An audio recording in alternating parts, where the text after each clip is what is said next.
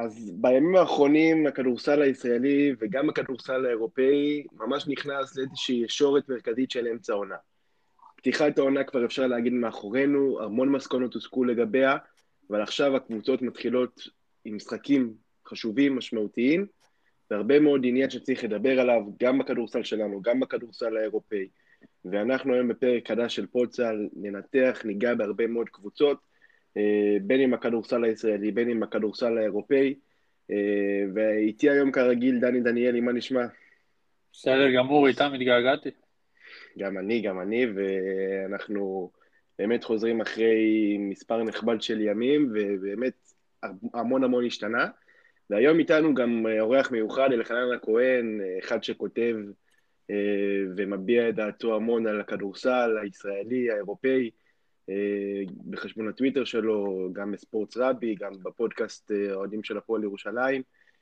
והוא איתנו היום, אנחנו מאוד שמחים לארח אותו. מה נשמע, אלחנן? אהלן, מה נשמע? צריך להדגיש שיש יש שתי פודקאסטים לאוהדי הפועל ירושלים, נכון. כיפה אדומה נהדרים, אבל הם לא אני, ו-Red Space שזה אני ועוד כמה חברים טובים. נכון, נכון, אז אנחנו מאוד מאוד שמחים שאתה איתנו פה היום, ואנחנו בגלל זה מתחילים גם עם הפועל ירושלים, אה, שזאת הקבוצה החמה של הכדורסל הישראלי, והיא מקבלת את, ה, את הטופ בפרק הזה, מה שנקרא, ואנחנו הולכים איתה, כי הפועל ירושלים נמצאת בעיצומו של רצף של שמונה ניצחונות רצופים, אה, קבוצת הגנה יוצאת דופן, ובאמת, אחרי פתיחת עונה, כמו שאמרתי, פתיחת עונה עברה, אה, הפועל ירושלים קיבלה המון המון ביקורות בפתיחת העונה, ואנחנו עכשיו כבר בסוג של אמצע העונה, והפועל ירושלים הצליחה להתייצב.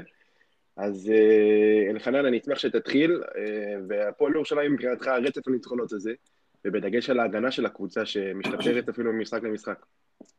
תראה, הפועל ירושלים, אני, אני חושב שהדבר המרכזי שהפועל ירושלים מלמדת אותנו זה סבלנות. כי פתיחת, פתיחת העונה של הפועל הייתה לא טובה, בלשון המעטה, ולא רק בגלל התוצאות על המגרש, אלא גם איך שזה, איך שזה נראה. משחק נגד לובסבורג, אחד מ-24 ל-3, דברים שלא רואים בדרך כלל כדורסל. ואוהדים של הפועל ירושלים ואנשי הכדורסל הישראלי בכלל אמרו מה קורה פה והביאו מאמן שהוא לא מאמן ודברים כאלה. סבלנות, זה משהו שבהנהלה כל הזמן שידרו, שהשחקנים כל הזמן אמרו, והמאמן כל הזמן ג'יקיץ' אמר, סבלנות, זה עוד יבוא. באמת ראינו שבעצם מהמשחק נגד הפועל חיפה בחוץ, אני שם את הנקודה שמה, פתאום הקבוצה נראתה יותר טוב. וההגנה של הפועל ירושלים בעיניי היא טובה לא רק כי שחקנים שומרים אישית בצורה נהדרת, אלא כי הם גם שומרים קבוצתית בצורה נהדרת. עכשיו, הפועל ירושלים לא עושה הרבה הגנות אזוריות ודברים כאלה, אבל צריכים להסתכל על האינטליגנציה של השמירה שלהם, בין אם זה של איתי שגב, זאק הנקינס, אפילו זאק הנקינס שנחשב לשומר לא טוב, קדין קריקטון, ליווי רנדולף, כולם, ומרקס מיירס במיוחד, כולם כל הזמן יודעים לעשות עזרה, יודעים מתי לעשות את החצי צעד ואת התנועת יד למעלה בשביל למנוע קווי מסירה ודברים כאלה, זה משהו שאין לי שום ספק שעובדים עליו אה, קשה באימון. אז אני... יש, כן. רוצה להוסיף על משהו? יש לי עוד, אבל אתה מבין, תורך. סבבה, אז אנחנו... באמת שאני מתחבר לדברים שלך, ואני אעבור עוד רגע לדני, אני חושב שבאמת הגנה של הפועל ירושלים, אני מספיק, מסכים ששמת את האצבע על המשחק הזה מול הפועל חיפה בחוץ, 57 נקודות הפועל ירושלים ספגה שם, ושם גם מבחינת, אה, אני חושב, דעת קהל, השתנה משהו, שפתאום קבוצה סופגת רק 57 נקודות, כשהפועל חיפה היא קבוצה לא רעה עונה בכדורסל שלנו, עם המון כישרון התקפי. קמפיין אירופי נהדר. אז זה משנה איזשהו משהו. לגמרי, קבוצה מצוינת. אה, ודני, איך אתה, מה נקודת המבט שלך על הרצף הזה של הפועל ירושלים, ושוב, בדגש על ההגנה הטובה מאוד של הקבוצה הזאת? אז אני גם מאוד מתחבר לדברים שאלחנן העלה פה. אה, מהמשחק בעצם מול הפועל חיפה, כמו שציינתם פה, הדברים קצת התהפכו, אם אנחנו זוכרים את תחילת העונה, את גביע ווינר ואת הטורנירי הכנה שירושלים הייתה נהדרת, בתחילת העונה הרשמית זה קצת קרטע, וכמו שאמרתם, הביקורות התחילו לצוץ, וסימני שאלה, וקבוצה אפורה והכל, וגם אני כמובן חטאתי בביקורות האלה, אבל אנחנו באמת רואים שגם הרצף הזה של שמונת הניצחונות ו-BCL וליגה, ההגנה זה, זה רמה אחרת, וזה עוד יותר מדגיש משהו שאנחנו לא רגילים לראות פה. אם אנחנו מסתכלים על הטבלה של הליגה, אז אה, מכבי תל אביב היא קבוצת ההגנה שסופגת 79.5 נקודות למשחק, הפועל תל אביב סופגת 78, שזה עוד יחסית סביר, כל שאר הקבוצות בליגה 82 נקודות צפונה שהן סופגות, והפועל ירושלים סופגת 70.4 נקודות למשחק. זה נתון חריג, בטח בהתחשב בעובדה שזה ליגה שאיך נאמר בעדינות, הגנה זה לא הטיקט שלה. אה, ההתקפות פה מאוד מגוונות, המשחק מבוסס על התקפה, אבל ההגנות פה זה לא משהו שאנחנו רגילים לראות, וקבוצה שסופגת בשמונה משחקים, ממוצע של 70 נקודות, זה משהו חריג, שאולי בגלל זה היה לנו קשה לעכל את הפועל ירושלים בתחילת העונה, שזה לא כדורסל שאנחנו כל כך רגילים לראות פה בליגה שלנו, ואנחנו רואים באמת שעם הזמן זה גם אה, מגובה בניצחונות ולא רק באמירות יפות על הגנה, גם בזירה האירופאית, גם בליגה, גם מול קבוצות טובות, מול מכבי תל אביב, ניצחון גדול של, אה, של ירושלים, שאולי אז באמת יכניס לכולנו לראש כמה באמת מה שציינתם לגבי סבלנות הוא חשוב בכדורסל, בטח עם מאמן זר, בטח עם קבוצה שהיא כמעט חדשה לגמרי.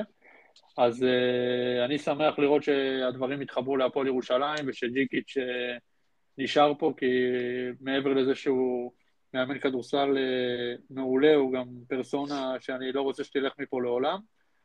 אז uh, זה, זוהי דעתי על, ה, על פתיחת העונה של הפועל ירושלים ועל מה שנהיה ממנה עד ההקלטה הזו בעצם. אני רוצה להוסיף כן. ולהתחבר לשתי הנקודות האחרונות שלך, ולהוסיף עוד משהו קטן. מאמן זר זה משהו שאנחנו לא רגילים לו בכדורסל הישראלי. היה פה יאניס פרופולוס, היו פה עוד כמה, אבל זה משהו שבדרך כלל הם לא המאמנים המוצלחים והכוכבים של אירופה, כל מיני יאניס קסטריטיס למיניהם. אלכסנדר ג'יקיץ' הוא מאמן שנחשב באירופה למאמן שלוקח קבוצות בתקציב קטן ועושה מהם הרבה, הוא לקח את בודוצ'נוסט מקוסובו ועשה איתם יורוליג. מונטנגרו, כן. מונטנגרו, נכון. עכשיו, מעבר ל, ל, לפרסונה שלו על המגרש, הוא רוקסטאר. אמרת שהפועל ירושלים היא קבוצה אפורה, וזה נכון, הפועל ירושלים היא קבוצה אפורה. הכוכב של הפועל ירושלים נמצא על הקווים. קחו לכם משחק אחד, שכל מה שאתם עושים זה להסתכל על ג'יקיץ'. עזבו את המשחק, לא מעניין. תסתכלו על ג'יקיץ', מבטיח לכם שתהנו מכל רגע. ואני רוצה לחדד עוד נקודה קטנה. אחרי שאמרנו שהפועל ירושלים היא קבוצת הגנה נהדרת, שימו לב שבשתיים או של... שלושה או ארבעה משחקים האחרונים הפועל ירושלים עוברת את ה-80 נקודות. הפועל ירושלים לא רעה בהתקפה. היא לא מלהיבה, אבל היא עושה את הנקודות. וזה מה שחשוב בכדורסל.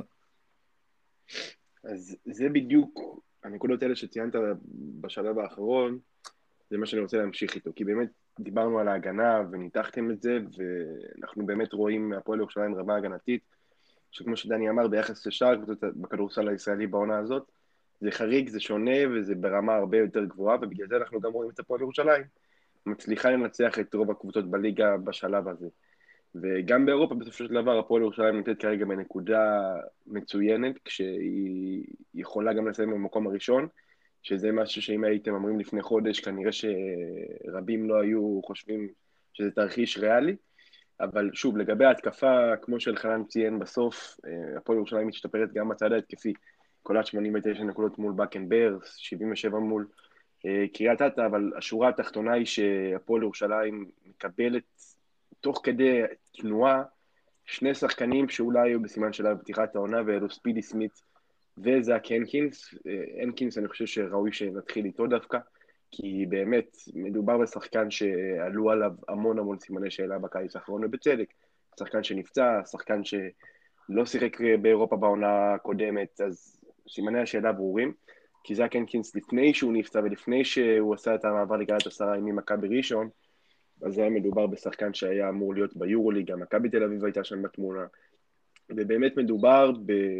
כשהוא בריא וכשהוא בכושר במכונת scoring, שהפועל ירושלים זוכה לקבל, וזה בדיוק הבינגו הזה שעומר אריאן דיבר עליו, ש... שאמור לקרות, והפועל ירושלים תקווה שיקרה, והוא קרה, גם בריבאונד, גם באחוזי הקליעה מתחת לסל, באמת יוצא דופן, ולגבי ספידי, לפני שאני מעביר הלאה, אני חושב שספידי סמית באמת, אולי זה השינוי הכי חד שראינו משחקן בפתיחת עונה, מפתיחת עונה איטית, מתקשה מאוד בקבלת החלטות, פתאום, בזכות אחוזי כליאה יותר טובים מהשלוש מחצי מרחק, הוא קיבל הרבה יותר ביטחון, גם בראיית המשחק ובאסיסטים הוא מחלק יותר, גם רמת הביצוע מסביב, מסביבו עלתה וזה משפר אותו ממשחק למשחק, והפועל ירושלים, אם חשבה אולי לוותר על ספידי סמית, פתאום קיבלה אותו בחזרה, ואלו שני שחקנים שהיה להם איזשהו סימן שאלה, שעכשיו סימני השאלה האלו כבר מתחילים לרדת, ואנחנו מקבלים תשובות חד משמעיות וטובות משניהם מבחינת הפועל ירושלים. אז אה, דני, תמשיך אותי ולגבי שני השחקנים האלו והשיפור שלהם תוך כדי תנועה. כן, אז באמת, כמו שציינת, הם שני השחקנים שרוב העיניים היו עליהם בפתיחת העונה הזו. אה, הנקינס פתח את העונה קצת מבולבל, ראינו כדורים ברחו לו קצת בין הידיים, אני באופן אישי מת עליו עוד מהתקופה בראשון, גם עקבתי אחריו קצת אחרי. אני מאוד אוהב את השחקן הזה, ואנחנו רואים איזה מפלצת הוא מתפתח להיות פה ב- בליגה וגם באירופה, ב-BCL. שולט בליגה לגמרי, ממוצעים של דאבל דאבל, נהדר כמעט בכל משחק, מאוד עקבי, מאוד יעיל, אה, לא עושה דברים שהוא לא יודע, שזה משהו שמאוד חשוב לשחקנים אה, גבוהים בכלל. אה, ממוצעים נהדרים גם ב-BCL, 16 נקודות ו-8 ריבאונדים למשחק, משחק אחרון נגד בקנברס נהדר, אז אני חושב שלגביו החששות הוסרו לדעתי בכמעט 100%, לגבי ספידי, אז באמת זה כבר היה קצת יותר, אה, יותר מבעבע מהעניין של הנקינס, אה, כי באמת כל הז'יטונים אה, היו עליו, וג'יקיץ' הביא אותו מריטס אחרי שהוא לקח איתם אליפות, והציפיות היו מאוד גבוהות. הפתיחה הייתה מאוד מדשדשת, אבל המשחקים האחרונים נראה הרבה יותר טוב גם ברמת ניהול משחק, מוסר מספר גבוה של אסיסטים, ניהול המשחק הרבה יותר רגוע, הוא כן רץ את המתפרצות, אם בתחילת העונה הוא קצת האט את הקצב של המשחק, למרות ששמו ספידי, הקצב קצת יותר מהיר עכשיו, ואחוזי הקליעה שלו גם לשלוש וגם אה, לשתיים עלו.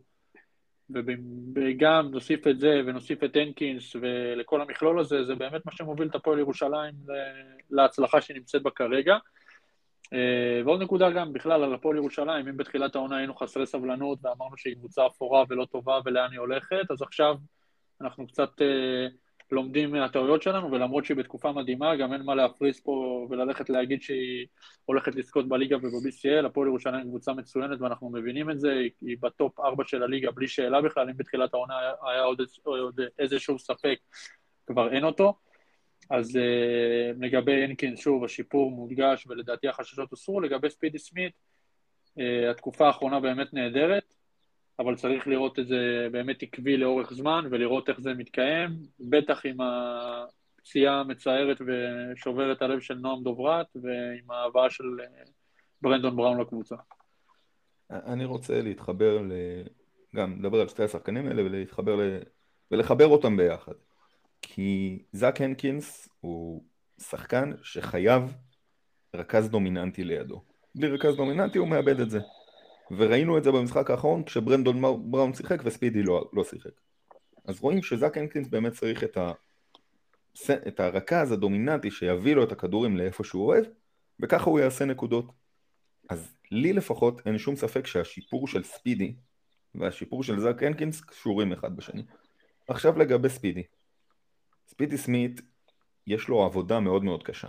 כי ספידי סמית צריך, הוא מגיע לפה בתחילת העונה, והוא צריך ללמוד מאמן חדש שהוא לא התאמן אצלו מעולם. מקום חדש שהוא שיחק בו ארבעה משחקים בעונת קורונה, אני לא יודע אם אפשר להחשיב את זה, והוא צריך ללמוד שחקנים שהוא לא שיחק עם אף אחד מהשחקנים האלה קודם. אז יש לו מלא מלא מלא מלא ללמוד. והוא צריך להוציא לפועל גם את מה שהמאמן רוצה וגם מה שהשחקנים מצפים ממנו. לכן בעיניי המשחקים הראשונים והקצב האיטי של המשחקים הראשונים היה בעצם לימוד שלו. עכשיו שימו לב למשהו מאוד מעניין, שימו לב איפה ספידי סמית יושב על הספסל במשחקים. ספידי סמית באופן קבוע יושב בין עוזרי המאמן והוא היחיד שיושב שם. זאת אומרת, אתמול כשהוא לא שיחק, אף אחד לא ישב בכיסא הזה. הוא תמיד יושב בין עוזרי המאמן, ידון איתם, ידבר איתם, יזרוק גם הערות לג'יקיץ', ובאמת המעמד שלו והחשיבות שלו לקבוצה היא, היא מדהימה. נקודה אחרונה על, על כל מה שאמרנו על זאק הנקינס שהוא נהדר והכל, מדובר בלוחם. במשחק נגד מכבי הוא חטף uh, כתפייה מג'וש ניבו, כולנו יודעים שג'וש ניבו זה אדם שאתה לא רוצה לחטוף ממנו כתפייה, הוא שבר את האף וחזר לשחק. זה מטורף. וכמות ההשקעה והרצון שהוא נותן שהוא נותן במשחק זה משהו מדהים ואני מאוד מאוד אוהב לראות את זה. אז אני באמת חושב את כל המכלול של הדברים שרצינו להעביר לגבי הפועל ירושלים הצלחנו להעביר, ודני ציין את הפציעה של אה, נועם דוברת, שאנחנו כמובן אה, מאוד מתבאסים ומסתערים על זה, נועם דוברת סיים את העונה הקרובה בעקבות פציעת ברך, במשחק של הפועל ירושלים מול באקן ברס, ובעצם הוא לא יחזור בעונה הקרובה, חוסר מזל, אבל אנחנו מקווים שהוא, וגם בטוחים אפילו שהוא יחזור יותר חזק, ואנחנו מאחלים לו החלמה מהירה. אמ, נסגור את הנקודה הזאת על פועל ירושלים עם השאלה מי צריך להחליף אותו. אמ, עלו הרבה שמות בימים האחרונים, אם זה מקס איידיגר, איתן בורג, אה, גל גילינסקי, יפתח זיו, עלו הרבה שמות, אבל מבחינתך, אלחנן, מי, מי ה favorite שלך ל spot הזה, שצריך להיות מאויש? הפועל ירושלים צריכה גארד ישראלי, בטח רכז, אה, זה משהו שהוא הכרחי להמשך העונה. בגדול התשובה היא מאוד פשוטה. מי שיש בשוק. אין הרבה. אין בכלל אפילו. מה, אין, אין, לא, תראה, אפשר, אה, גילינסקי הוא עוד אפשר וזה, ומקס היידגר נמצא בשוק, לכל אחד יש את החסרונות ויש את היתרונות שלו. אני שמעתי גם כמה דיבורים על איתי מושקוביץ באיזשהו טרייד וזה, זה רעיון שעלה בטוויטר ואני מאוד נהניתי ממנו, של טרייד עם אה, גליל עליון שנמצאת בבעיה כספית, להביא להם את אה, גלעד לוי וכסף. לקחתי את איתי מושקוביץ, בעיניי זה הכי טוב. אני לא חלק מהצוות המקצועי של הפועל ירושלים, אני סומך בעיניים עצומות על הצוות המקצועי של הפועל ירושלים, שהם יביאו את הכי טוב שנמצא כרגע בשוק, ובואו נקווה שזה מה שיקרה. דני, מה אתה חושב? אה, לדעתי, שוב, כמו שאלחנן ציין, וגם אתה ציינת, השוק קצת דל.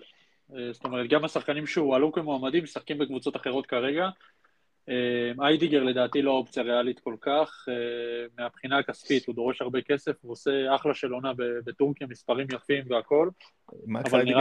מקס איידיגר צריך גם להזכיר, אה, חוקים של ה-BCL ומה שקורה שם, בגדול הוא נחשב זר ב-BCL, וזה משמעותי כי אפשר לרשום שבעה זרים בסך הכל.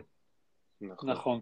נכון, אז בטוח שזה גם שיקול, ואם פה אלחנן יודע את זה, אז אני גם בטוח שגם... אה, העוסקים במלאכה בתוך הפועל ירושלים אה, מודעים לעניין, וזה נדבך חשוב בהחלטה הזו. לדעתי, שוב, אם זה אופציה ריאלית ואפשרית, אז מושקוביץ באמת זה האופציה הכי טובה להפועל ירושלים, כי הוא כן גם מזכיר קצת בסגנון את אה, דוברת, בערך אותו גיל, אותו כישרון התקפי, אז כן יש שם קצת נקודות דמיון, לדעתי זה עדיף על גילינסקי.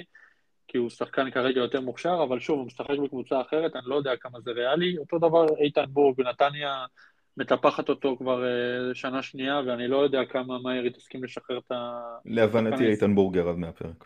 זהו, את אחד השחקנים הכי, הישראלים הכי בולטים שלה. אני מעריך שבשבוע הקרוב הפועל ירושלים תחתים uh, גארד ישראלי. Uh, ושוב, לא נגעתי בכלל ביפתח זיו, שלדעתי ביפר זה ההחלטה הכי טובה, אבל קשה לי לראות את זה קורה, כי מכבי לא נראה לי תשחרר אותו להפועל ירושלים. ואפשר לדבר על התאמות וכמה הוא מתאים לג'יקיץ' ולשיטה והכל. הוא לא. מבחינת... זהו, הוא לא, אבל מבחינת uh, כישרון ורעב, מאמין שהוא מאוד מאוד רעב להצליח ולשחק כדורסל. אז אם הוא יבוא להפועל ירושלים, לדעתי זה יכול להיות מעניין. אני יכול להעריך של, כנראה שלא נראה את זה קורה, העונה לפחות, אבל uh, אלו האופציות uh, לדעתי.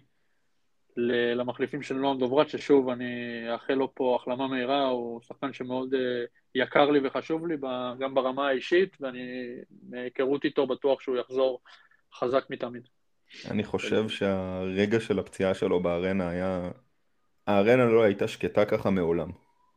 אה, שברון לב, אני גם אה, בבית צפיתי במשחק אמנם, אבל הלב, קשה לו לראות את זה. קשה לו לראות את זה, בטח שחקן צעיר שזה לא פציעה ראשונה שלו, אני לא אתחיל לפרט פה, אבל גם מכיר אותו ברמה האישית, ככה שזה עוד אה, איזה קפצ'וץ' בלב, ושוב, כמו שאמרתי, אני בטוח, בטוח שמתי שהוא יחזור ויחלים, הוא יחזור חזק ו...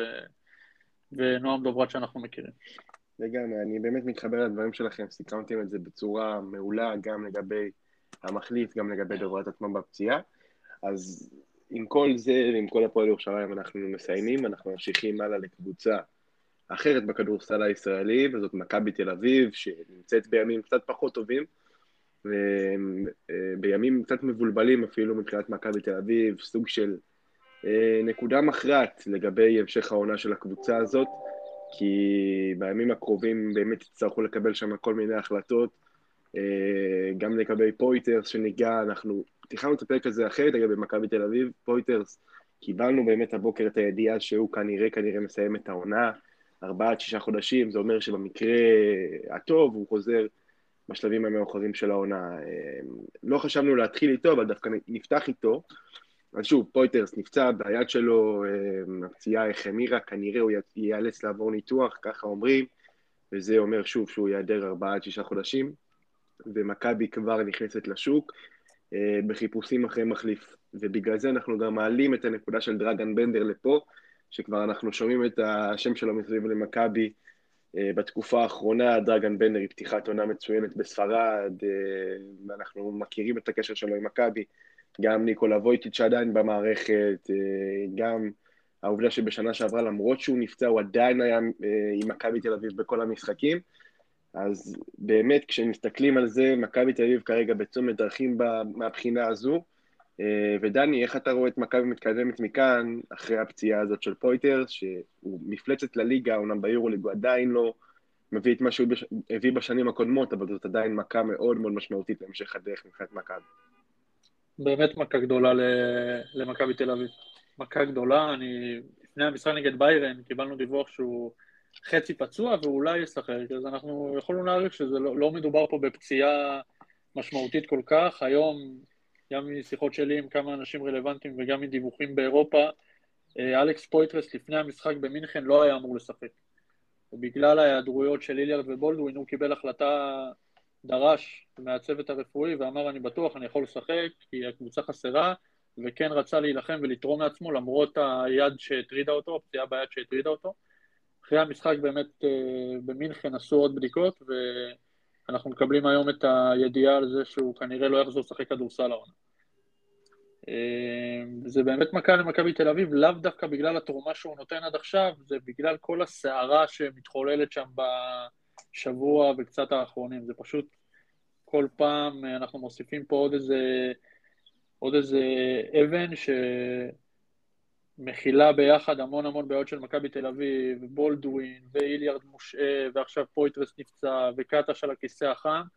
אז מכבי תל אביב כרגע נמצאת בסערה, כרגיל, אני לא חושב שאם עכשיו נלך אה, עשר שנים אחורה, כל שנה את הנקודה הזו בשנה שמכבי בסערה ולא יודעים מה לעשות. עכשיו בואו נדבר פתרונות. פויטרס, אנחנו נניח שהוא בחוץ, ונאחל גם לו החלמה מהירה ושיבה מהירה למגרשים, אבל נניח שכרגע הוא בחוץ. ועם כמה שאוהדי מכבי לא ירצו לשמוע את זה, בבקשה לא לצאת מהפודקאסט אחרי המשפט הבא שאני אגיד. דרגן בנדר הוא באמת האופציה הכי ריאלית, ואני אגיד אפילו טובה כרגע למכבי תל אביב, שגם דווח, אה, אומרים אנה מדווח ממש לפני מספר אה, דקות, שמכבי הולכת על שחקן בעמדה 4, לא בעמדה 5. מעניין מי זה והאם הוא קרואטי. זהו, בדיוק. זה... ושוב, בנדר, מילא היה פותח את העונה בצורה לא טובה, אז אני מבין את הרחשים והכל, אבל הוא נותן כרגע עד עכשיו בספרד עונת MVP, ואני לא מגזים. עונת MVP לגמרי, 18 נקודות למשחק, 6.5 ריבאונדים, 47 אחוז לשלוש, עונת MVP בספרד, לכל הדעות, ושוב, אם יש שחקן שמכיר כבר את המועדון, ומכיר את הנפשות הפועלות, ומכיר יורוליג, ושיחק יורוליג, ו... שוב, זה אחת האופציות הכי טובות, שחקן מוביל בליגה הספרדית, אז כן, אה, זאת אחת האופציות הכי טובות שיש למכבי תל אביב כרגע להביא לעמדה ארבע. אני לא מעורה כל כך בפרטי החוזה שלו, buyout, אה, הוא כן יכול לצאת, הוא לא יכול לצאת, אני אהיה כנה ואני אגיד שאני לא מעורה כל כך בפרטים, אבל אני מאמין שאם האופציה עולה כל כך הרבה פעמים על השולחן, כנראה יש כן איזה סעיפון שמאפשר לו לצאת. אני עברתי קצת על השוק לפני הפרק, אני לא רואה שחקן באופי שמכבי תל אביב מחפשת שהוא פנוי בשוק, אבל uh, מכבי תל אביב חייבת לפעול ולפעול מהר לפני שהעונה בורחת לה בין הידיים. אני רוצה להתחבר גם, ל... גם להגיד מה בעיניי החשיבות של הפציעה של בויטרס וגם uh, האם בנדר זה, זה החילוף המושלם. במכבי תל אביב יש בעיה, עד עכשיו אחת הבעיות המרכזיות שלה הייתה בחור הגנתי בעמדה 4, אני חושב שבמשחק נגד הפועל ירושלים זה בלט במיוחד כשג'יקיץ' רשם את אה, סים סנדר ונה וסים סנדר ונה בעצם תפר כל כך הרבה שלשות כי אין 4 שיכול לרווח את המשחק ולצאת החוצה. איך בנדר קשור לעניין הזה? אם אתה מביא את בנדר, שם אותו בצבע באיזושהי אזורית, סוג של אזורית, אני, אני אגיד את זה הכי פשטני, אבל אפשר לשחק עם זה. שם אותו בצבע ואומר לסורקין וניבו, אתם יוצאים לשלשות. לכם יש את הרגליים לעשות את זה. גם אם זה אומר שאם מדי פעם יהיה עבירה של ניבו, בסדר, אבל סורקין בוודאי יכול לעשות את זה. סורקין גם יכול לעשות כאילו הוא יוצא לשלושה, לחזור חזרה לעזור לבנדר, אז אני חושב שבנדר, בהתחשב בזה שהוא גם השחקן כנראה הכי טוב שנמצא בשוק, אה, מבחינת מה שהוא נותן העונה של העונה מדהימה, וגם ההתאמה שלו לשיטה של קטש היא בסך הכל טובה. אני לא רואה איפה באירופה יש עוד אה, משהו שקטש מחפש. יכול להיות, אני לא יודע בדיוק מה מצב החוזה של אה, בריימו בתופש בורסה, אבל הוא לא נותן עונה מדהימה, יכול להיות שקטש יבקש להביא אותו, לדעתי זה יעלה טיפה יותר אפילו. אז אני נוטה להאמין שההבאה של בנדר כן תעזור, גם אפילו בהיבט ההגנתי שמכבי צריכה. אז אני אלך קצת אחורה בנקודת הזמן, והמקרה הזה מזכיר לי מה שקרה להפועל חולון בצריכת העונה.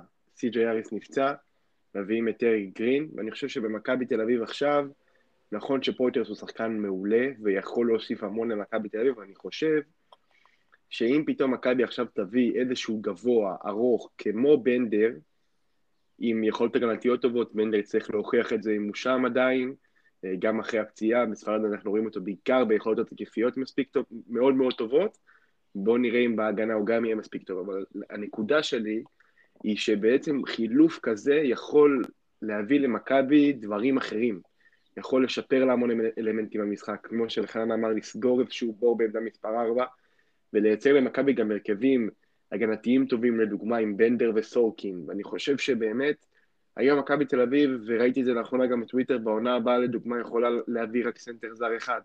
יש לה את רומן סורקין, היא יכולה לשים לידו רק סנטר זר אחד ולהסתפק בזה. ואולי השינוי הזה יוכל גם יותר להבליט את סורקין, יוכל לתת למכבי פתרון בעמדה מספר 4 עם בנדר, אם הוא באמת יגיע. אנחנו מדברים עליו כי הוא באמת האופציה בעיניי הכי טובה, הכי ריאלית, ואולי גם הכי מהירה מבחינת מכבי. אמ, אז בגדול, עם זה אני סוגר את הנקודה הזאת, ואנחנו נחזור אחורה למה שמכבי תל אביב עשתה ביום, ביום שישי, סליחה, האחרון. במינכן, מפסידה שם אה, לביירן, סופגת ממנה כמעט 100 נקודות. אה, קבוצת התקפה לא ממש מרשימה עד כה העונה, דווקא מול מכבי, וזה לא מפתיע, דווקא מול מכבי חוגגת.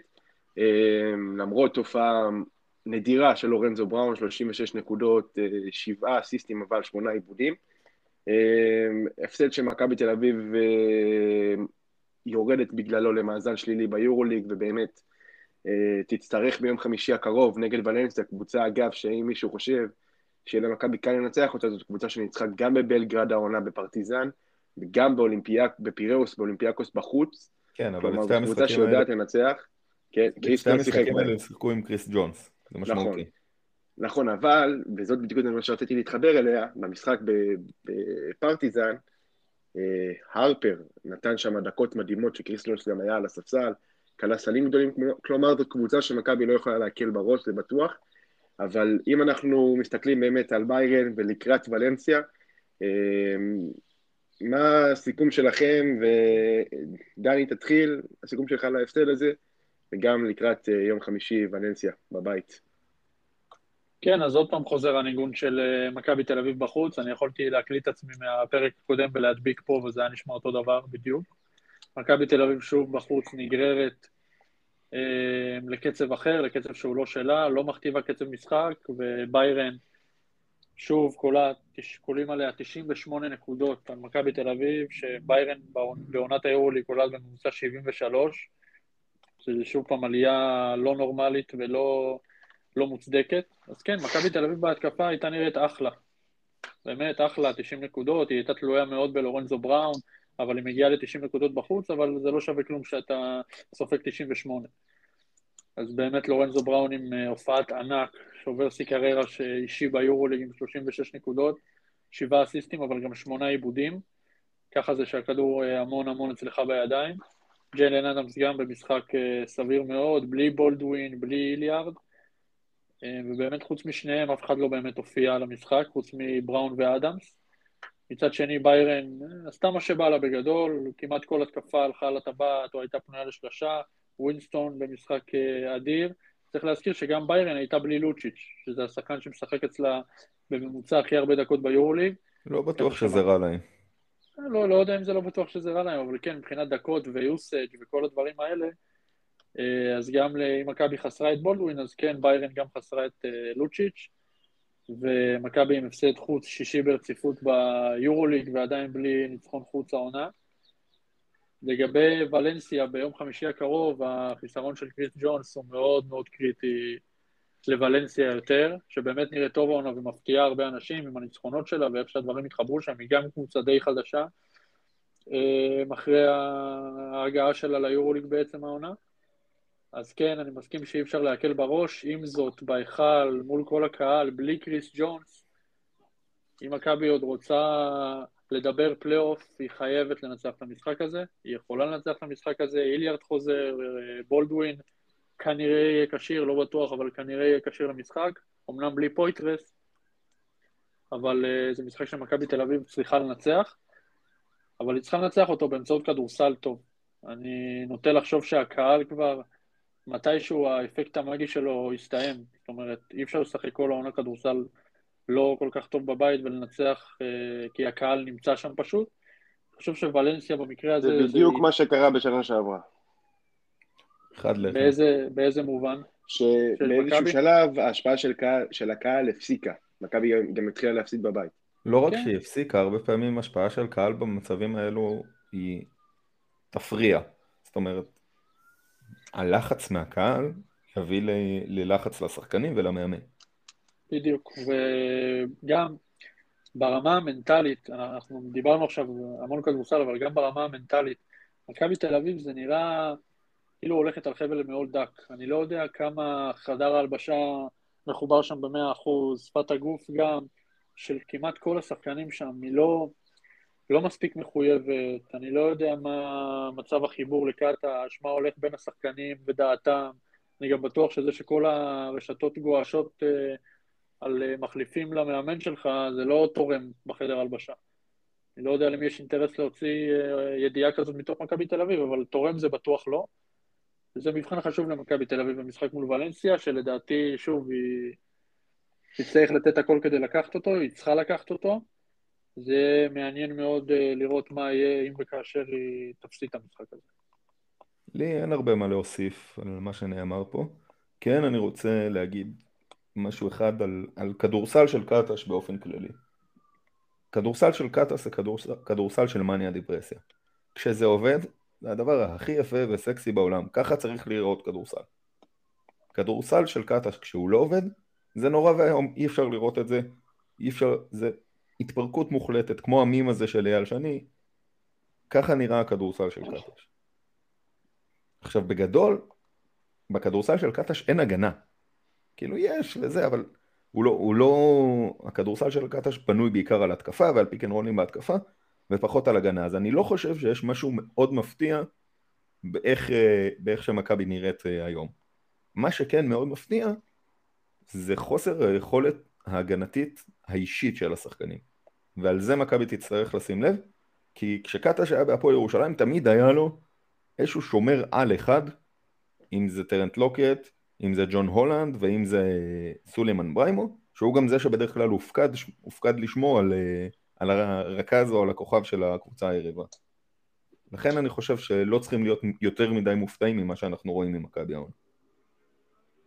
תראה, אני מתחבר למה שאמרת בסוף, ובאמת, בעיקר ביכולת הגנתית של מכבי, אז אני חושב שכשמכבי בנתה את הסגל שלה, כשמסתכלים על הקו האחורי, היו שניים שהיו אמורים להיות מתופקדים על, ה, על העמדה הזאת של הסטופר. כלומר, קטש ראה מראש שלורנזו בראון, ואחרי זה ג'לן אדמס, הם לא שחקני הגנה יותר מדי מצטיינים, וציפה לקבל אולי גם מווייד בולדווין יותר בהגנה, וגם ראינו אותו יותר, נותן יותר בהגנה בשנים הקודמות ביורוליג, וגם בעיקר אפילו מאוסטין הולינס, שאני חושב שמכבי, מה שקרה לה בתחילת העונה איתו, שזה היה איזשהו טשטוש כזה עד שהוא באמת נכנס לתוך הרוטציה, אז בסוף גם התפקיד שלו בתוך הקבוצה לא ברור, ולא ברור אם הוא סטופר הגנתי, לא ברור אם הוא שחקן אחרון ברוטציה, או עולה באיזשהם מקר, מקרים ספציפיים של אה, שבירת מומנטום, או שמירה על מומנטום, או possession אחרון של משחק, או possession אחרון של רבע.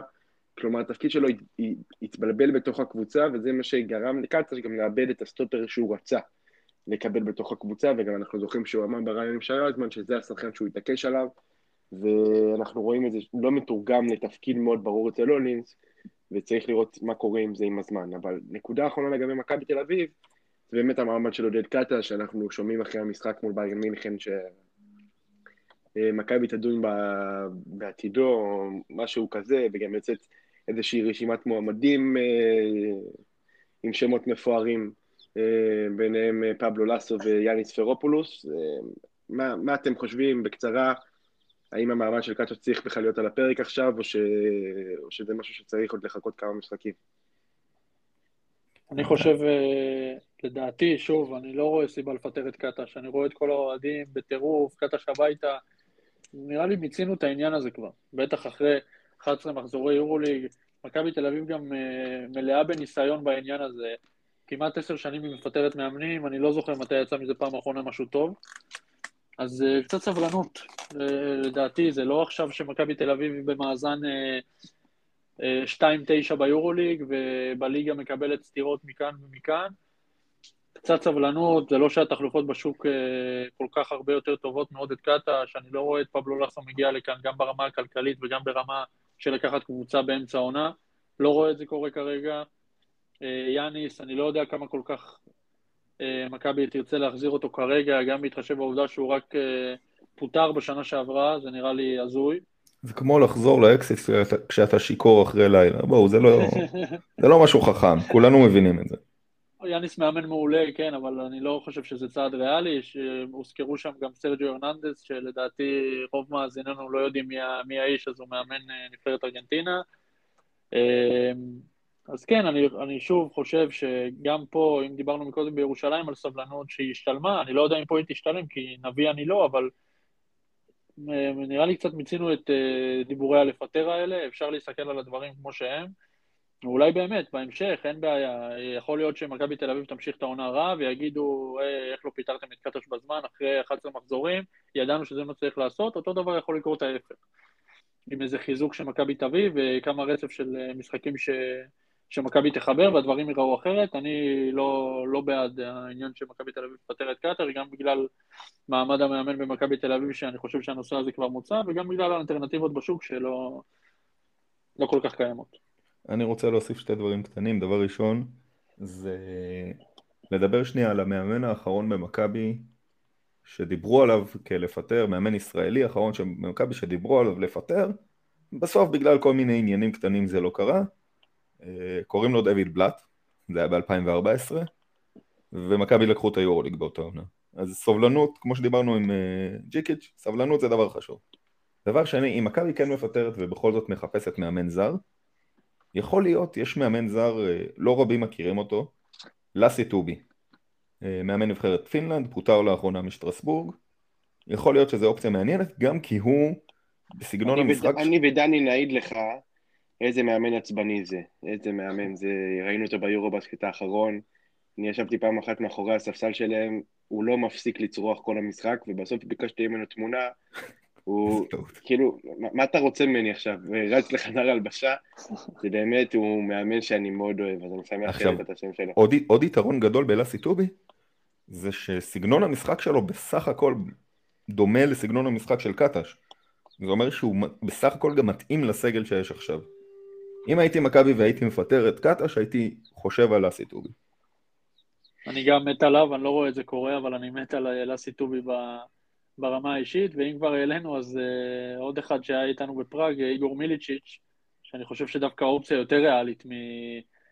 מלאסי, גם בגלל הקרבה לניקולה והעובדה שהוא היה שם הסנדק של הבן שלו וכל העניין הזה, והוא גם אחלה מאמן, הביא את פולין לחצי גמר אירו בסקט. אז מי יודע, אולי uh, אחד מהשניים האלה באמת יגיע. כולם אחלה שמות, כולם טובים, אבל לדעתי, אם אנחנו מסכמים את זה, באופן אישי קלטה שכרגע לפחות צריך להישאר אה, מאמן מכבי תל אביב. כן, אני מסכים איתך ואני אוהב את הסיכום שלנו לנקודה הזאת. אנחנו ממשיכים הלאה, ואנחנו ניגע בנקודה האחרונה, בקבוצה האחרונה בעצם בכדורסל הישראלי, בעצם לא האחרונה, יש לנו עוד אחת, אבל הפועל תל אביב, כרגע זאת הקבוצה שאנחנו מעלים, והפועל תל אביב מנצחת את הפועל חולון ביום שישי האחרון, באירופה מפסידה לבודושנוס בשני המשחקים האלו, היא חסרה ג'ייקובן ברון, ג'ייקובן ברון שיחק קצת במשחק בחולון, אבל הפועל תל אביב באמת, אה, בזכות יכולת גדולה של אקסבייר מנפורד וג'ורדן מקריי אה, במשחק הזה נגד הפועל חולון, מצליחה לנצח, ומוכיחה שבליגה הישראלית היא מצליחה לנצח גם ללא ג'ייקובן בראון, שזאת נקודה משמעותית אה, מבחינת הפועל תל אביב להמשך הדרך, שיכול להיות שבמשחק הבא של ג'ייקובן בראון יהיה או חולה או פצוע חלילה, אז אולי גם בכלל לא ירשמו אותו. כלומר, אולי גם לא צריך אותו במשחקים כאלה, אפשר לתת לו לנוח, גם שהוא לא יתלבש. נכון שתמיד טוב שהוא יושב על הספסל ועולה לאיזה שתי דקות, ואולי פתאום הוא מפתח משחק, אבל הפועל תל אביב אני חושב שהיא גם הייתה מעדיפה שבמקרים כאלה הוא ינוח בכלל ולא יושב גם על הספסל. זה שהפועל אז... תל אביב הייתה מעדיפה את זה, זה לא אומר שזה מה שג'קובן נכון. בראון מעדיף, וג'קובן נכון. בראון, אם הוא מבקש מדרני פרנקו להירשם בטופס, אז ג'קובן בראון יירשם בטופס. נכון מאוד, וניגע בנקודה ש... שאנחנו רוצים להעלות לגבי הפועל תל אביב. אה, אלחנן תמשיך, מה אתה חושב באמת על היכולת של שני השחקנים האלו של הפועל תל אביב שהופכים למרכזיים מאוד, אקסבייר מנפורד וג'ורדן מקיי, והאם גם לאורך זמן הם יכולים להמשיך להיות בצורה הזו דומיננטיים ומביאים את הסך נקודות הגבוה שהם מביאים במשחקים האחרונים? תראה, בגדול, אה, כולנו מבינים שהפועל תל אביב זה ג'קובן בראון וג'קובן בראון זה הפועל תל אביב. אי אפשר להתנתק מזה. כולנו גם יודעים שג'קובן בראון הוא שחקן שנפצע בקלות. אני באופן אישי בקיץ שראיתי את הסכומים שהפועל תל אביב שמה על ג'קובן ובעצם שמה את כל הקבוצה על הכתפיים שלו ואנחנו יודעים שהכתפיים שלו זה לא משהו שכדאי לשים עליהם יותר מדי משקל. חשבתי שזה לא יעבוד ואני עדיין חושב שזה מסוכן כי ג'ורדן מקריי הוא שחקן נפלא ועושה המון נקודות הוא לא מוביל כדור ומנפורד גם לא, לא עושה את זה בצורה כמו ג'קובן, משהו במשחק שלו קצת פרוע, קצת מבולגן. זה אומר שבמשחקים בלי ג'קובן הם עולים עם uh, בר תימור כמוביל כדור, בעצם יחיד, כשמדי פעם גיל בני בא ועולה עם האסל מהספסל. אני לא יודע אם זה מספיק uh, נגד ארבעת הגדולות, uh, נגד שלושת הגדולות האחרות בכדורסל הישראלי, וזה בטח ובטח לא מספיק מול הקבוצות הבאמת טובות שהם ייפגשו איתם ביורוקאפ בשלבים הבאים. אמ, דני, תתחבר לנקודה הזאת, ובאמת, אתה רואה את הפועל תל אביב מצליחה לאורך זמן לשמר את מה שהיא קיבלה במשחקים האחרונים ממנפורד ו... ומג'ורדן וקיי, והאם גם באירופה לפעמים כשג'קובן בראון לא, לא מגיע, אה, שני השחקנים האלה יכולים להוביל אותה לניצחונות גם שם, שזה דבר מאוד חשוב מבחינת הפועל תל אביב. בואו נסכם את זה ככה ונסכים על זה, אני חושב שלושתנו, שבלי ג'קובן בראון, אה, הפועל תל אביב לא תוכל להגיע לאן שהיא חלמה העונה. עכשיו שוב, הוא לא נפצע לתקופה ארוכה והכל בסדר, הוא היה קצת חולה, גם זה לא איזה פציעה עכשיו שהוא אה, קרה משהו, נתפס לו איזה שריר או משהו כזה, הוא היה חולה, אה, וזה נראה אחרת בלעדיו. אנחנו רואים את זה ממש נגד בודדשנוסט. בכל משחקי היורוקאפ, גם במשחקים שהפסידה הפועל תל אביב, בטורק טלקום וגן קנריה, הם שיחקו טוב וההתקפה זזה, ג'קובי בראון זה אומן עם הכדור וזה לא חדש לאף אחד מאיתנו. קשה בלעדיו, מאוד.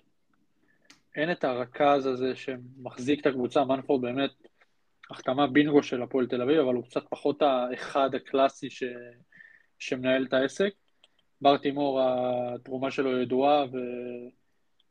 והוא מנהל את המשחק מעולה, אבל הוא לא איכותי כמו ג'קובן, והוא יעיד על זה בעצמו.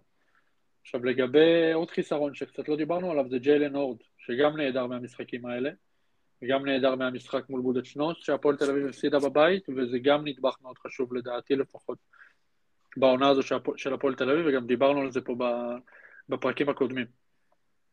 הניצחון אה, על הפועל חולון הוא מאוד אה, מרשים מבחינתי לפחות, אה, כי באמת ג'יקובן שיחק רק חמש דקות מול קבוצת טופ BCL כמו הפועל חולון, אומנם עם רוטציה קצרה, אבל לנצח את הפועל חולון בחוץ, בלי אורד ובלי ג'יקובן, זה לא עסק פשוט.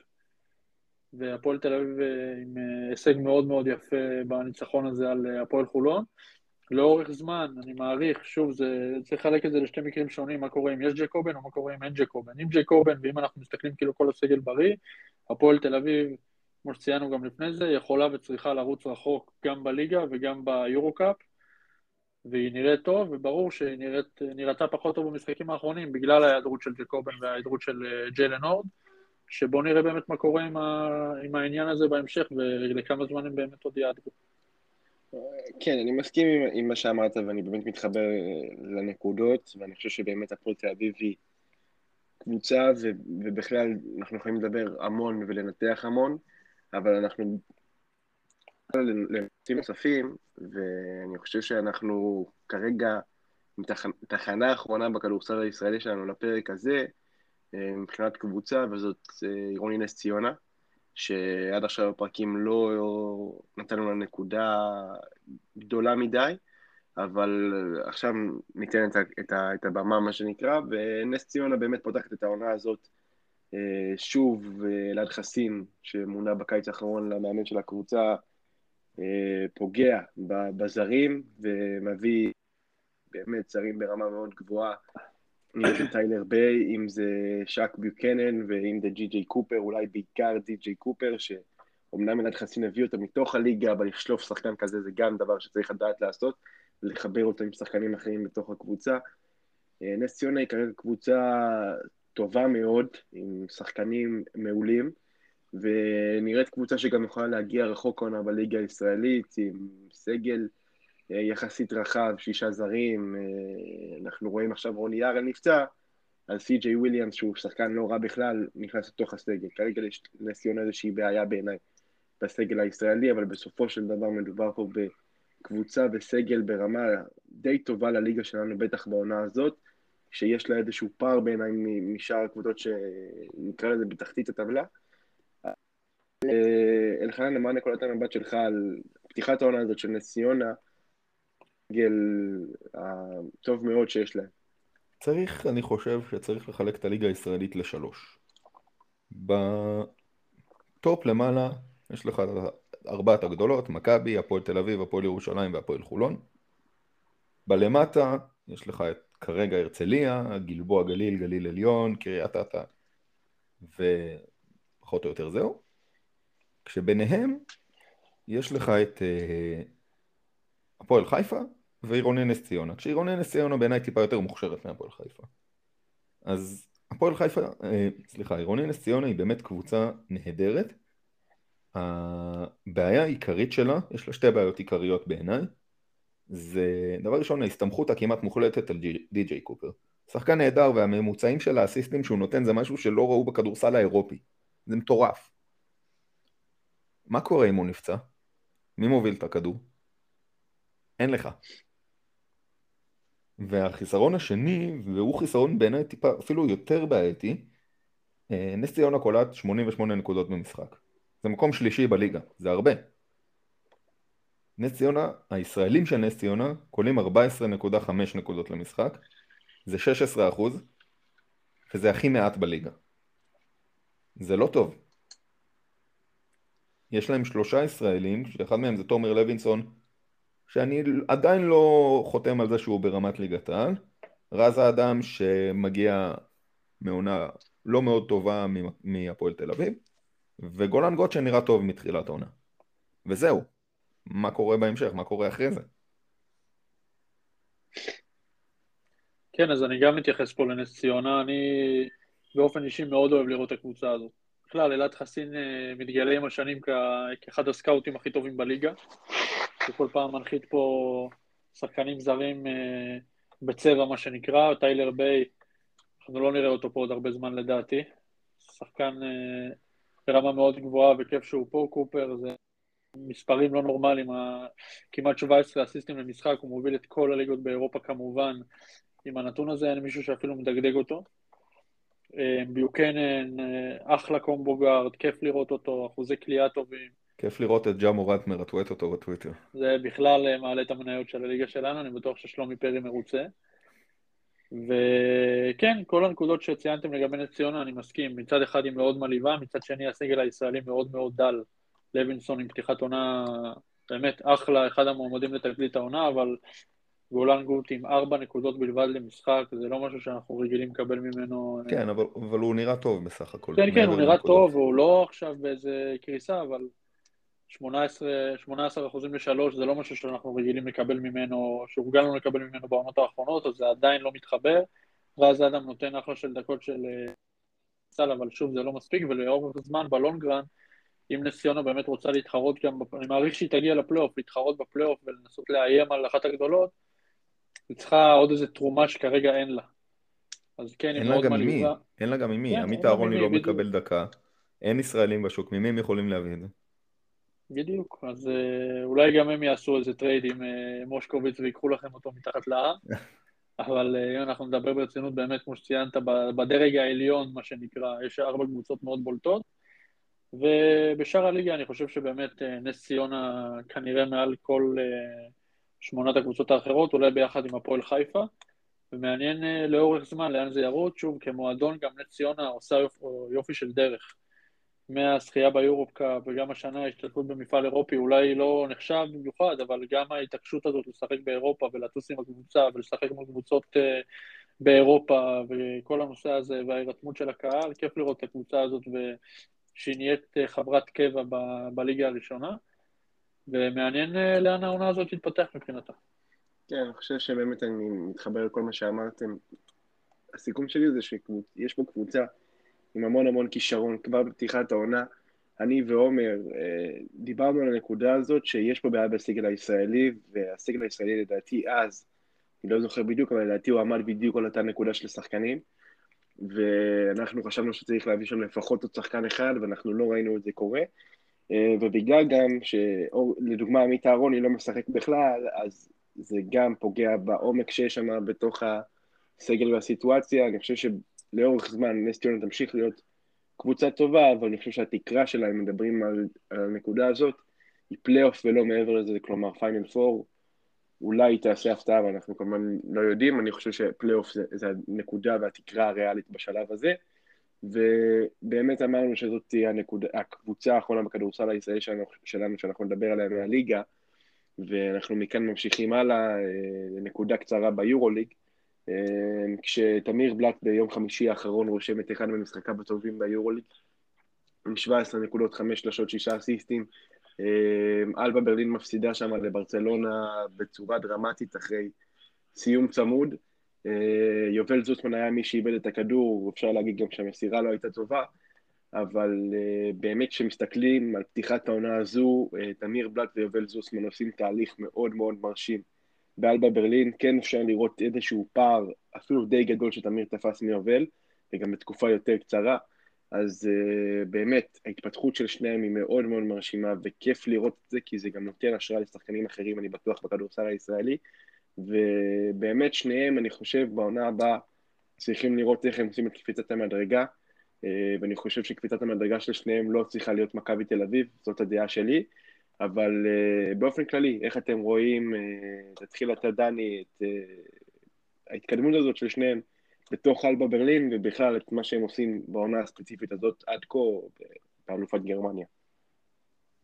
אני אתחיל בתמיר בלאט, שההתקדמות שלו פשוט מדהימה, הוא מנפץ כל תקרת זכוכית ש... שהייתה לו.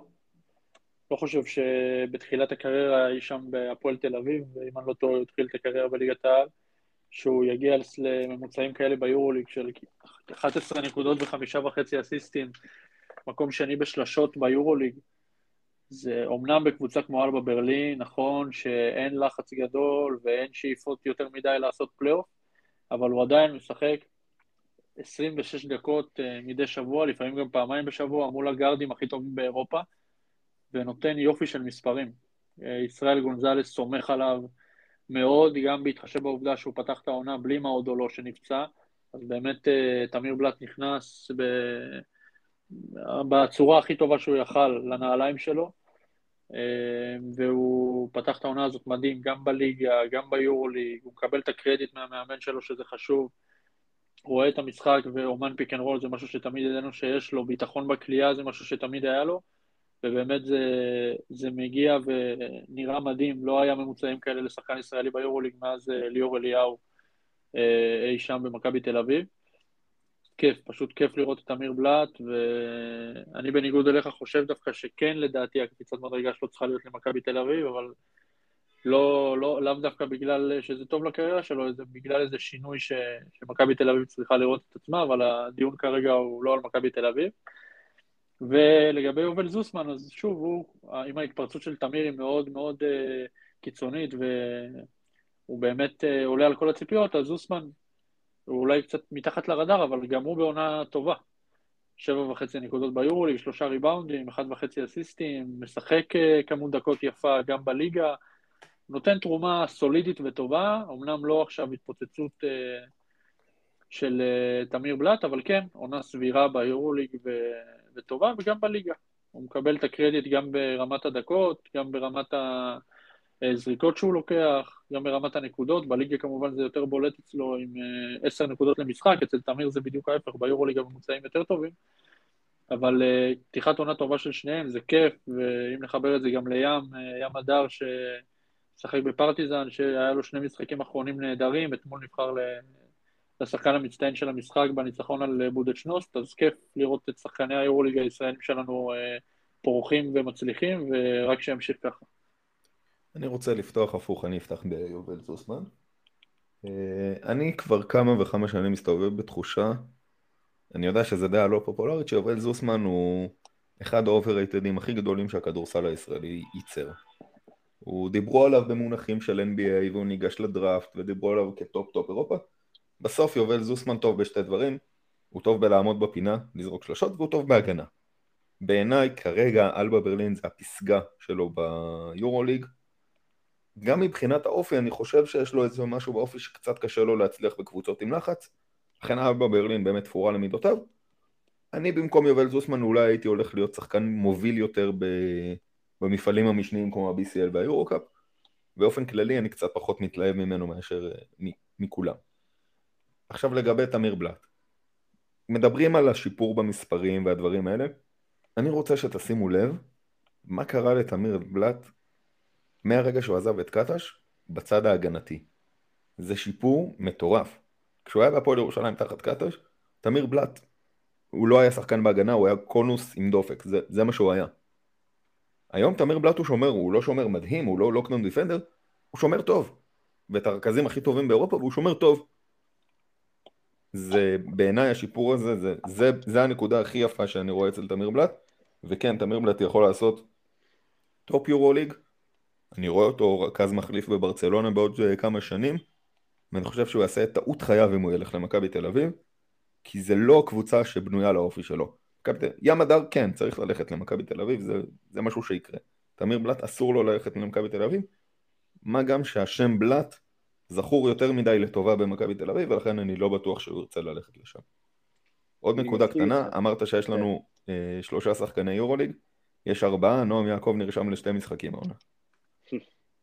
ואני בטוח שנועם יעקב עוד יהיה... פספסתי אחד? נועם יעקב. לא, פספסתי משחק אחד, אני אומר, אני זוכר שהוא נרשם לאחד. כן, אני הבנתי שהוא נרשם לשתיים, אה, אולי אפילו השבוע או משהו כזה. הוא עוד יגיע, הוא עוד יגיע. הוא עוד יגיע, ובגדול אנחנו בטוחים, ואנחנו רואים את המספרים שלו. עמדת הרגז הישראלי טובה. טובה מאוד, ובאמת יש לנו הרבה, הרבה כישרון שם. ואם אני צריך לסכם את מה שאמרת לגבי, את מה שאמרתי, לגבי זוסמן ו- ותמיר, אני מאוד מסכים עם מה שאמרת, אלחנן, לגבי זוסמן, אני חושב שהוא לא כל כך overrated, אבל אני כן חושב ש, שברור לנו שכל הסיפור עם הדראפט היה קצת מוגזם. אבל לגבי אלבה ברלין אני מאוד מסכים, זה המקום המדויק בשבילו, אה, קבוצה שמאוד מתאימה לו, אה, התפקיד שהוא מקבל בה הוא טוב, הוא מתאים לסגנון משחק, אנחנו רואים.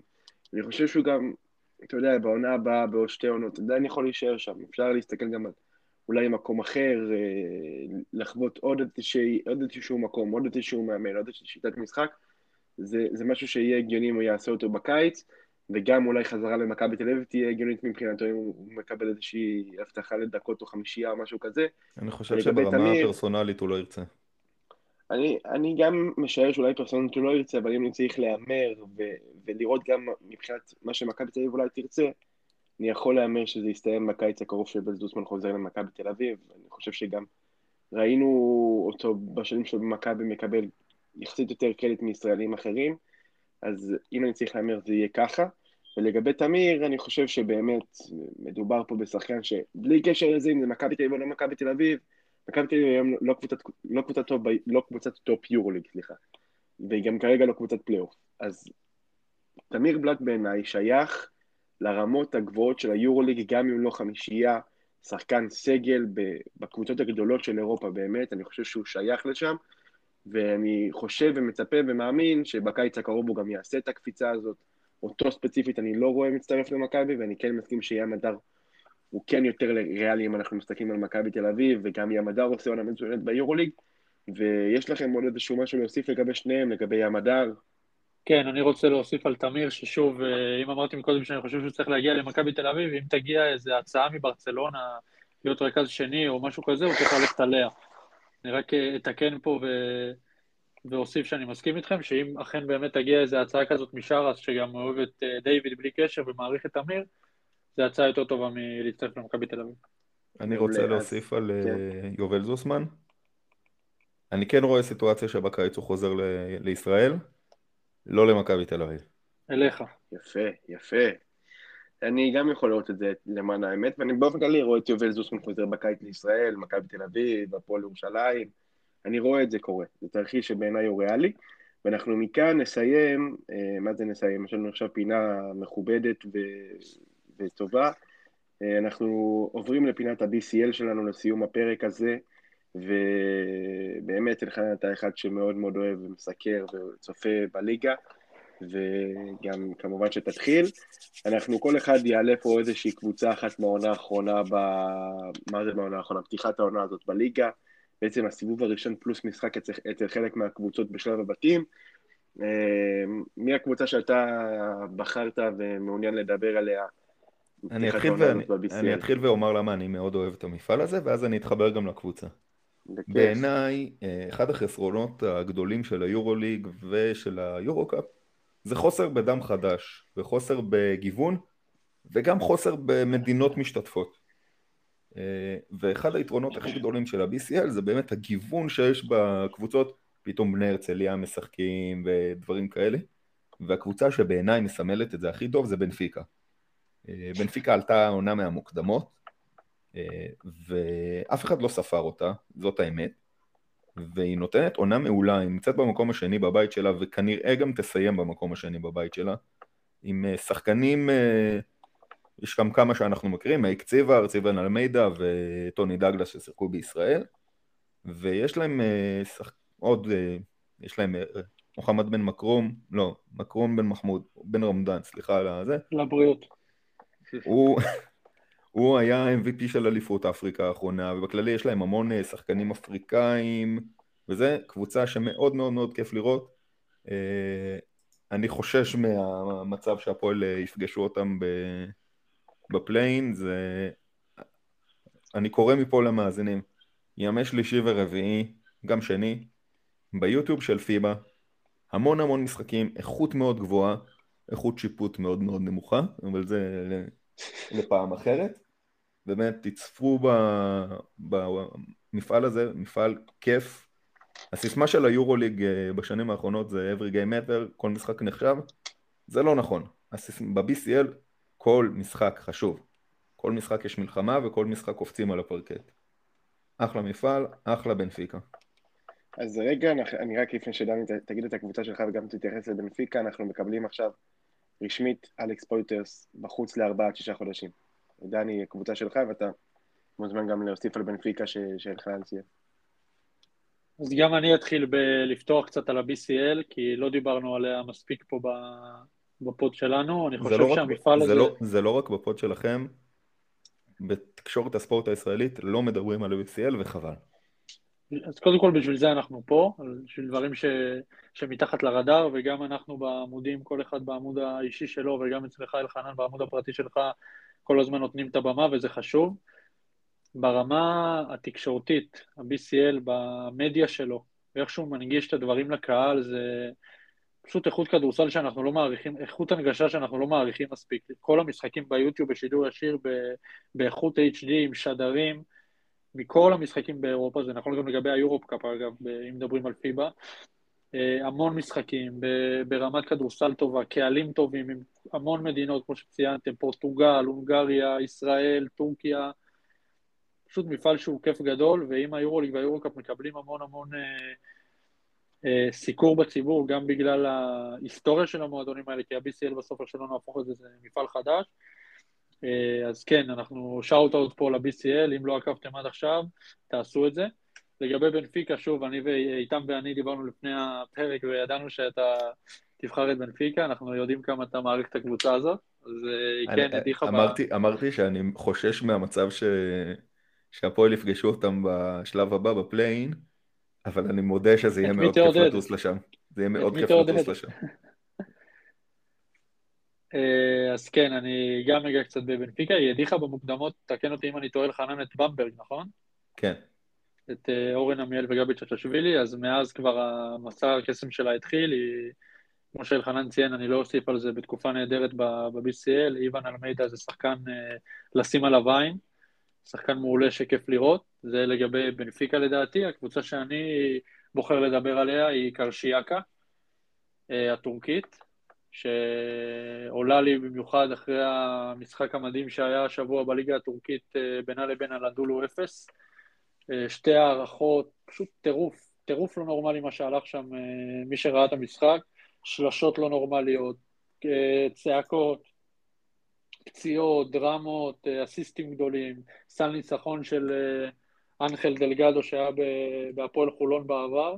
שחקן נהדר. קבוצה באמת, קבוצה באמת מרשימה, בריאן אנגולה שהצטרף אליה לאחרונה, אחרי שהוא שוחרר מגלטסראיי, אריק מקולום, עם עונת MVP, גם בליגה הטורקית הוא נהדר וגם ב-BCL, קוזמינסקס שהצטרף לקבוצה, ג'יילון בראון, קנאן סיפאהי, אופוק סאריץ' המאמן שאימן את נבחרת טורקיה. בכלל הכדורסל טורקי זה משהו כיף, בקהל, בסיס אוהדים מדהים יש לקבוצה הזאת. ואם נוסיף לזה את הניצחון השבוע על הנדולו אפס, פשוט קבוצה שהיא כיף גדול ו- וכיף לראות אותה.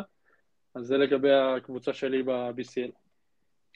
אז אני באמת, אם אני צריך להתחבר לשתי הקבוצות שלכם, קודם כל, אני חושב באמת שבנפיקה, קודם כל, של, של חנן ציין, זאת קבוצה שבטח מאוד מאוד מפתיעה. קבוצה שפתחה את העונה בצורה טובה מאוד, אה, גם ב-BCL וגם בליגה הפורטוגלית, וזאת באמת אחת הקבוצות שהכי כיף לראות העונה ב-BCL, כי באמת יש להם איזושהי שיטת משחק מאוד ייחודית וברורה, שבכל משחק אתה רואה את הקבוצה משחקת בצורה די דומה, וזה דבר שאני אוהב לראות אצל קבוצות. ולגבי קרשיאקה, אני חושב שבאמת החיזוק שהם עשו עם אנגולה אה, שיפר אותה משמעותית. כמובן, אנגולה אנחנו יודעים עד כמה הוא שחקן טוב, ודלגדו שמציג שם יכולת טובה, וקרשיאקה היא באמת קבוצה שבין הקבוצות הכי טובות העונה ב-BCL, בטח מבחינתי אחרי הצירוף הזה של אנגולה. ולפני שאני נוגע בקבוצה שאני בחרתי, קודם, קודם כל להגיד שאני, כאילו, אני מאוד אוהב את ה-NBA, שזה דבר ידוע, שזאת הליגה שאצלי במקום הראשון, וזה הדבר שאני הכי אוהב לכתוב, לעסוק ולסקר, ואחרי זה את הליגה הישראלית. אני מאוד אוהב לעסוק גם ביורליג, וב-BCL דווקא לא נגעתי הרבה אמ, בכל מה שאני עוסק וכותב, אבל בגלל שהקבוצות הישראליות נכנסו לשם, נחשפתי יותר. באמת הנקודה הזאת שיש שידורים ביוטיוב, אתה פותח כל משחק שאתה רוצה לראות, אתה יכול לראות, זה מדהים וזה כיף, ואתה יכול באמת לגעת, כמו שלחנן אמר, מהמון קבוצות, מהמון מדינות, וזה גם נותן לך איזושהי נקודת מבט לגבי המון ליגות, המון שחקנים, ו... ואפילו אפשר להגיד שזה שחקנים, המון שחקנים פה, והפוטנציאל גם הגיעו בשלב מסוים לליגה הישראלית, אם אנחנו צריכים להמר. אגב, ב-BCL יש כמות... זה מאוד כיף לעקוב. ב-BCL כן. יש כמות אקסים מטורפת של הליגה הישראלית. זה באמת, אני חושב שבכל קבוצה ב-BCL יש לפחות שחקן אחד ששיחק בליגת העל. כן, אני באמת חושב ש... שזאת עוד נקודה משמעותית לגבי הליגה הזאת, ואני מסיים עם הקבוצה שאני בחרתי וזאת מלאגה, שאני חושב שבאמת לראות את מה שהם עושים בעונה הזאת לא מפתיע, כי הם בנו סגל מצוין ומנוסה בקיץ האחרון, הם מקום שלישי בליגה הספרדית, וב-BCL הם אה, גם קמפיין מושלם עד עכשיו, 4-0 חיובי, הם נמצאים בבית עם דיז'ון, פאוק סלוניקי ודינמו סאסרי, והם הקבוצה הראשונה שהעפילה בעצם לשלב הטופ 16, זאת קבוצה ש, שיש לה את ניהאד דדוביץ', את אלברטו דיאז, את בריזואלה, את קרטר, ובאמת יש שם גם קנדריק פרי וויל תומאס, זאת קבוצה באמת עם המון המון כישרון, עם שיטת משחק, גם בדומה לבנפיקה, שיטת משחק מאוד ברורה, שזה דבר שאנחנו רואים אצל המון קבוצות ספרדיות, אבל מלאגה דווקא קבוצה שאולי, כשמדברים על ה-BCL, ואלחנן, תתקן אותי אם אני טועה, הם עלו מהמוקדמות, נכון? גם הם עלו מהמוקדמות, כן. אז זה דבר יפה ומדהים לראות שהקבוצה הזאת עולה מהמוקדמות, הופכת לקבוצה אולי הבכירה בשלב הבתים של, של ה-BCL. לא, ו... תנריפה. תנריפה ביחד איתם, נכון, תנריפה גם בעונה יותר מוצלחת, אבל בין הקבוצות המצליחות בשלב, בשלב הבתים הזה של ה-BCL, באמת מרשים ויפה לראות את זה. יש לכם עוד איזשהו משהו להוסיף לפני שאנחנו מסיימים? אני רק אה, אתן נתון סטטיסטי חריג על בנפיקה ששכחתי מקודם. בנפיקה הייתה הקבוצה השנייה בעולם לסיים אה, עונה שלמה בלי הפסדים במסגרת המקומית. מי הראשונה? מכבי תל אביב? מכבי תל אביב. יפה, יפה, באמת אה, נתון מרשים ביותר לגבי בנפיקה, שהיא באמת קבוצה שכיף לראות אותה שוב, הרחבנו לגביה, ועם זה אנחנו מסיימים את הפרק שלנו להיום. יש לי משהו אחרון להוסיף. כן, יאללה. על מועמד למכבי תל אביב, נסיים עם זה את הפרק, כי עכשיו עם ההודעה הרשמית שפויטרס מסיים את העונה, דיברנו הרבה על דרגן בנדר, קריס סינגלטון פנוי. וואו. מעלה את זה פה, וואו, זה באמת מתחת לרדאר. זה בול. איפה היית עם השם הזה עד עכשיו? זהו, חבל שזה עלה לי לראש רק עכשיו, היינו צריכים לדבר על זה מקודם. זה בדיוק מה שהם צריכים. אחרי שיהיה הודעת וולקאם, קריס סינגלטון שחקן פנוי, ונעלה את זה פה, שלא יגידו, לא שמענו את זה פה ראשונים, אז קריס סינגלטון שחקן פנוי, במידה ובנדר לא מגיע, אופציה ששווה לשקול. פוצצת לי את הראש עכשיו, זה בול מה שהם צריכים, בול. יפה, יפה, ובאמת סיום מושלם לפרק הזה. אני שוב חוזר, נגענו באמת בהמון המון נקודות, גם בכדורסל הישראלי, גם בכדורסל האירופאי, ותודה רבה לך שהצטרפת עלינו. ו... תענוג, אשמח, אשמח להגיע יותר.